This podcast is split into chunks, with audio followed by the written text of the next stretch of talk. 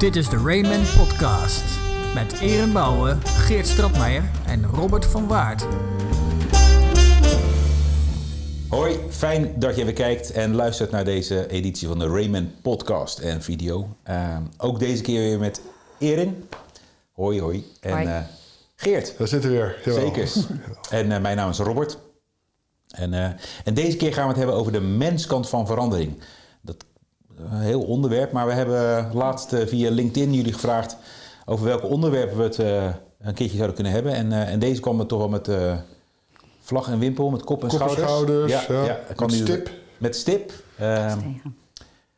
en jullie vraag was dus eh, ja, daar een keertje over te hebben, over de menskant van verandering. En dat is natuurlijk een enorm breed onderwerp. Om, dus laten we maar eerst eens even kijken van eh, welk deel we daarvan eh, van willen beetpakken. De menskant van verandering. Waar, waar denken jullie dan aan? Nou, ik, ik ben al heel blij dat, eh, dat, dat dat gestemd is. Want veranderen zonder mensen, da- dat heeft totaal geen zin. Ja. Hè, dan hoef je jou helemaal niet te veranderen. Is er een mens of een verandering zonder menskant? Is Ja. gelijk de vraag, toch? Die Ja. je eigenlijk zou... Dat zou mooi zijn. Hè? Nou, dat is dan denk ik de procesmatige kant. Ja. Dus dat zijn de processen die je klaarzet en de eh, instrumenten en de, en de systemen die je strak zet. Dat, zijn, dat is die kant. Maar ja, die is er voor en door mensen. Want ja, je kan wel een heel bedrijf optuigen en een verandering klaarzetten, maar als niemand iets met je dienst hoeft, Ja, misschien Ja. weinig op. leuk gedaan. Dus eh, de menskant heeft impliceert in ieder geval dat, dat dat een lastig dingetje is. Dat het lastig is om, dat, eh, om daar iets mee te doen voor mensen. Ja, ik Voor denk zeker. leiders.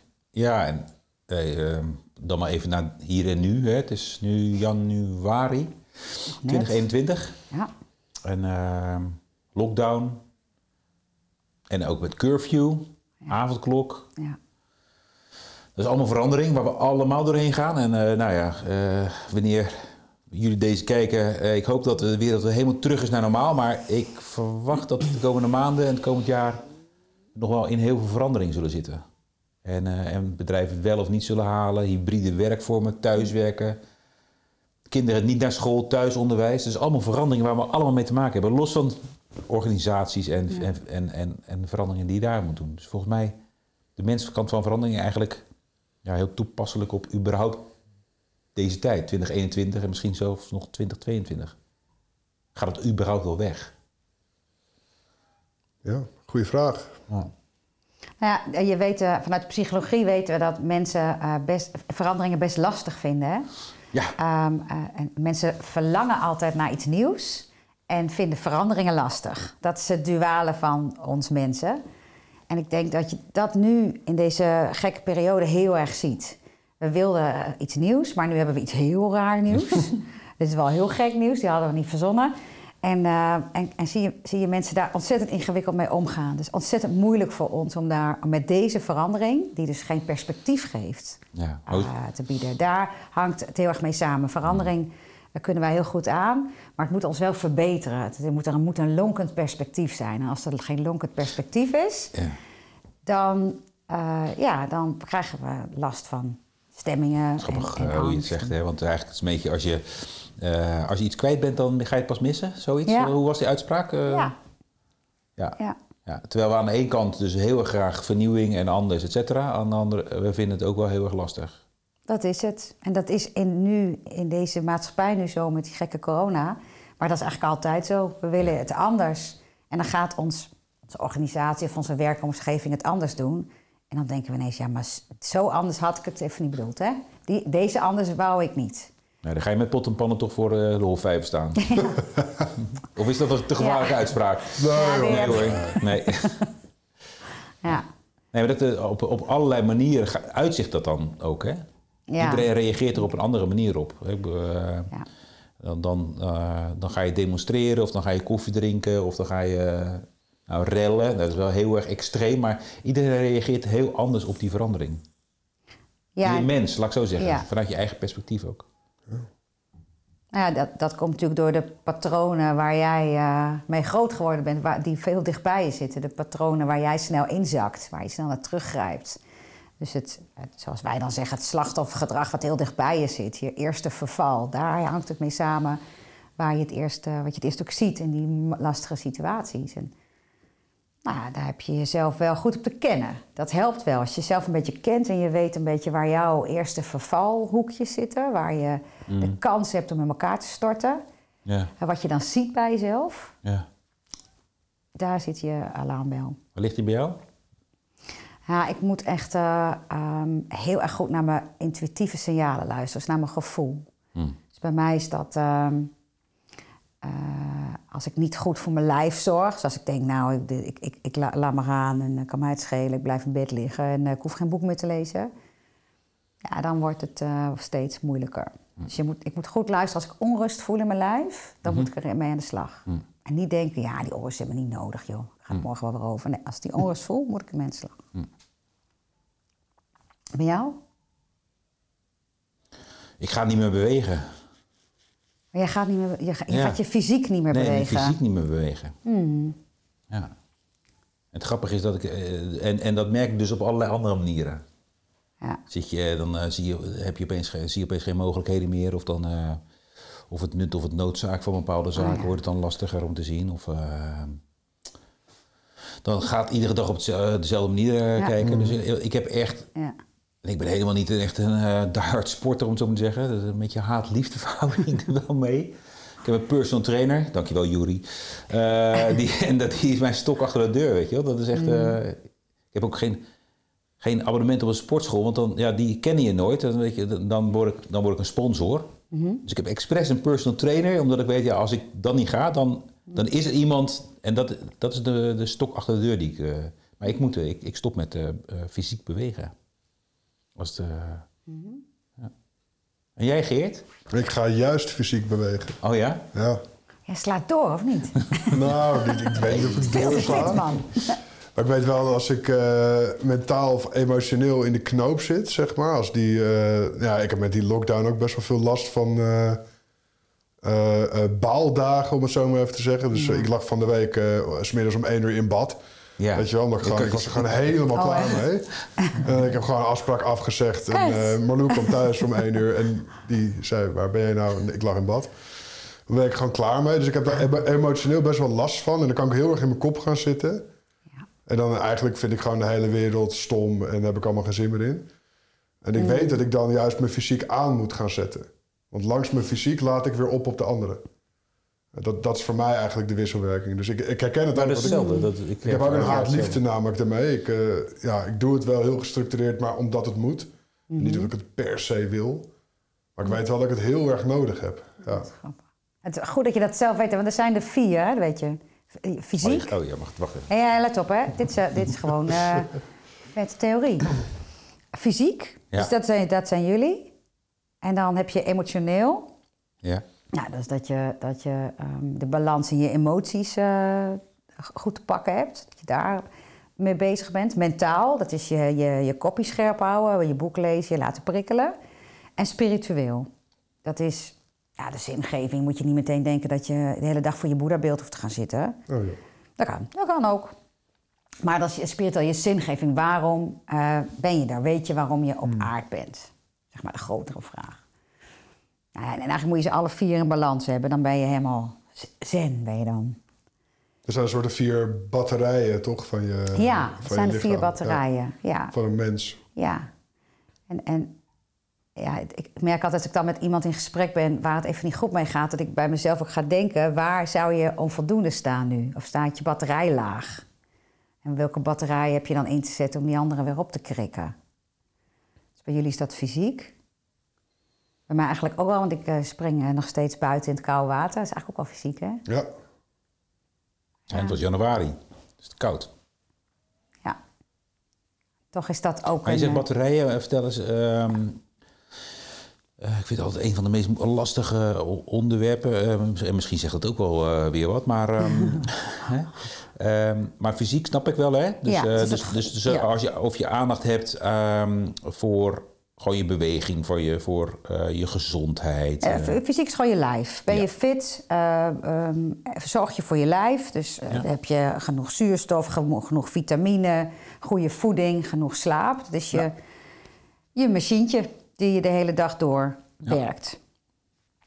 En je geeft dat een cijfer. Wie zegt Ja. accu? Je, Ja, geef je gewoon een cijfer. Denk je, nou, wat is dat voor nu? En het, zonder oordeel naar jezelf. Gewoon eens even sec kijken, zonder oordeel.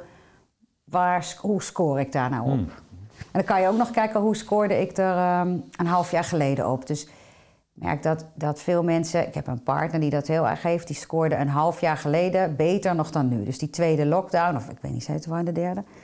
Dat schiet allemaal niet op. Daar wordt het allemaal niet beter van. Dus dan gaat je cijfer kan ook nog omhoog of omlaag op bepaalde Ja. modellen. Dus fysiek, en misschien ben je wel heel meer gaan wandelen of minder. Of ja, meer. meer gaan met Ja. je voeding bezig eh, gaan gaan, met je vitamine en je Mhm. of minder. Dus dat is je eerste. Hoe, wat voor cijfer geef je dat? Hoef je nu niet te zeggen hoor tegen de mensen. Mag wel hoor, als je dat wil. Mag wel. Ja, mag je best zeggen. 7,5 wel, denk ik wel. Ja. Ja. Mooi. Jij? Voor emotioneel? Nee, Nee, fysiek. Ah, fysiek fysiek. nog. Nee, fysiek zit ik wel lekker hoor. Ja, Ja. achtje, negentje, Ja, als we het op een schaal van 10 doen. Ja. Ja, ja van, van 1 tot 10. Waarbij. 1 dus nou, het slechtst van de hele wereld nog nooit slecht geweest. En een 10, het, het kan niet beter. Nee. Alle, allerbeste. Oké. Ja. Ja, Dan, dan hebben we eh, emotioneel. Emotioneel. Dat is je gevoel. Je emotie. Mhm. Alles wat te maken heeft met je emotie. Kan je erbij? Kan je het voelen? Ben je uitgehaald? Heb je het niet weggeslikt de hele dag? Hè, dat is ook, hoort ook bij emotie.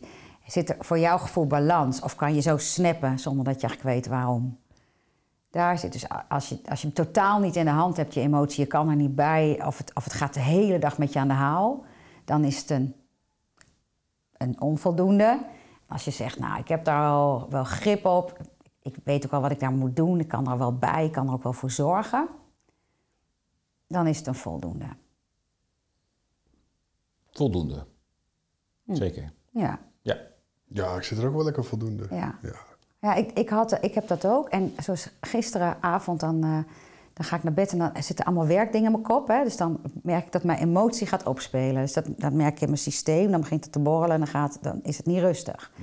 En toen heb ik de wekker gezet om kwart voor zeven. Dan ben ik om zeven uur een online yogales gaan doen. Terwijl ik eigenlijk niet op wou staan. Dat is de F, hè? Dat is f- fysiek dan. Nee, dat is voor mij de E. Oh. Ja, want dat fysiek, dat is alleen maar dat ik in een soort... ehm, nou, je wilt niet weten hoe het eruit ziet, jongens. in een soort hondje op zijn kop sta.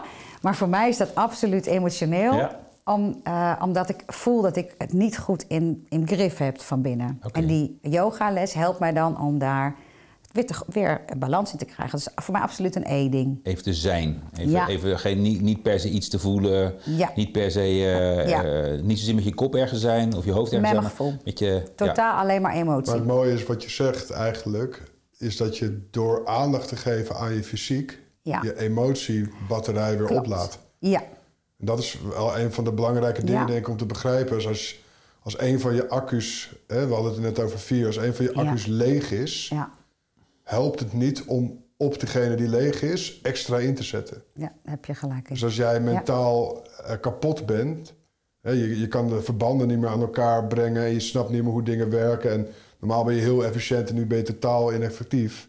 Ja, Heeft het niet zin om daar nog meer over na te denken? Dan heb je te kijken bij jezelf van hey, via welke van mijn andere accu's Ja. kan ik eigenlijk weer opladen. Dus ga eens, als je mentaal in de knoei zit, ga eens een uur of twee uur lang eh, wielrennen. En moet je kijken wat er vervolgens weer gebeurt in je kop.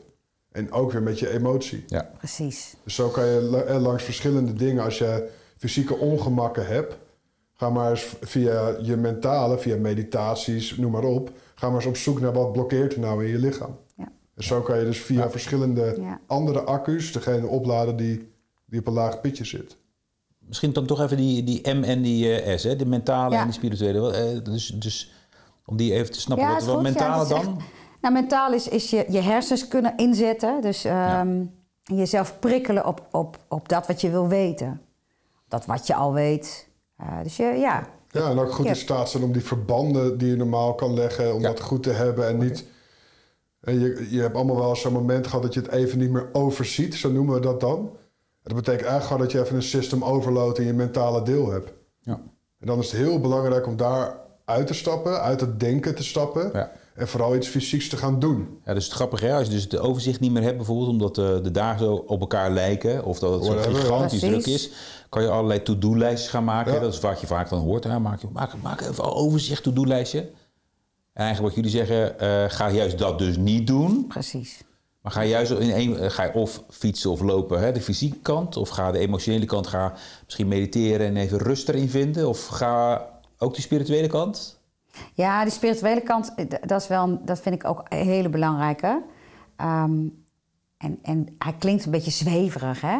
Spiritueel. Ja, maar spiritueel is, is pure zingeving. Je kan wel van alles mentaal doen en fysiek en emotioneel. Maar als je niet weet waarom je het doet, waar je naartoe beweegt, Ja.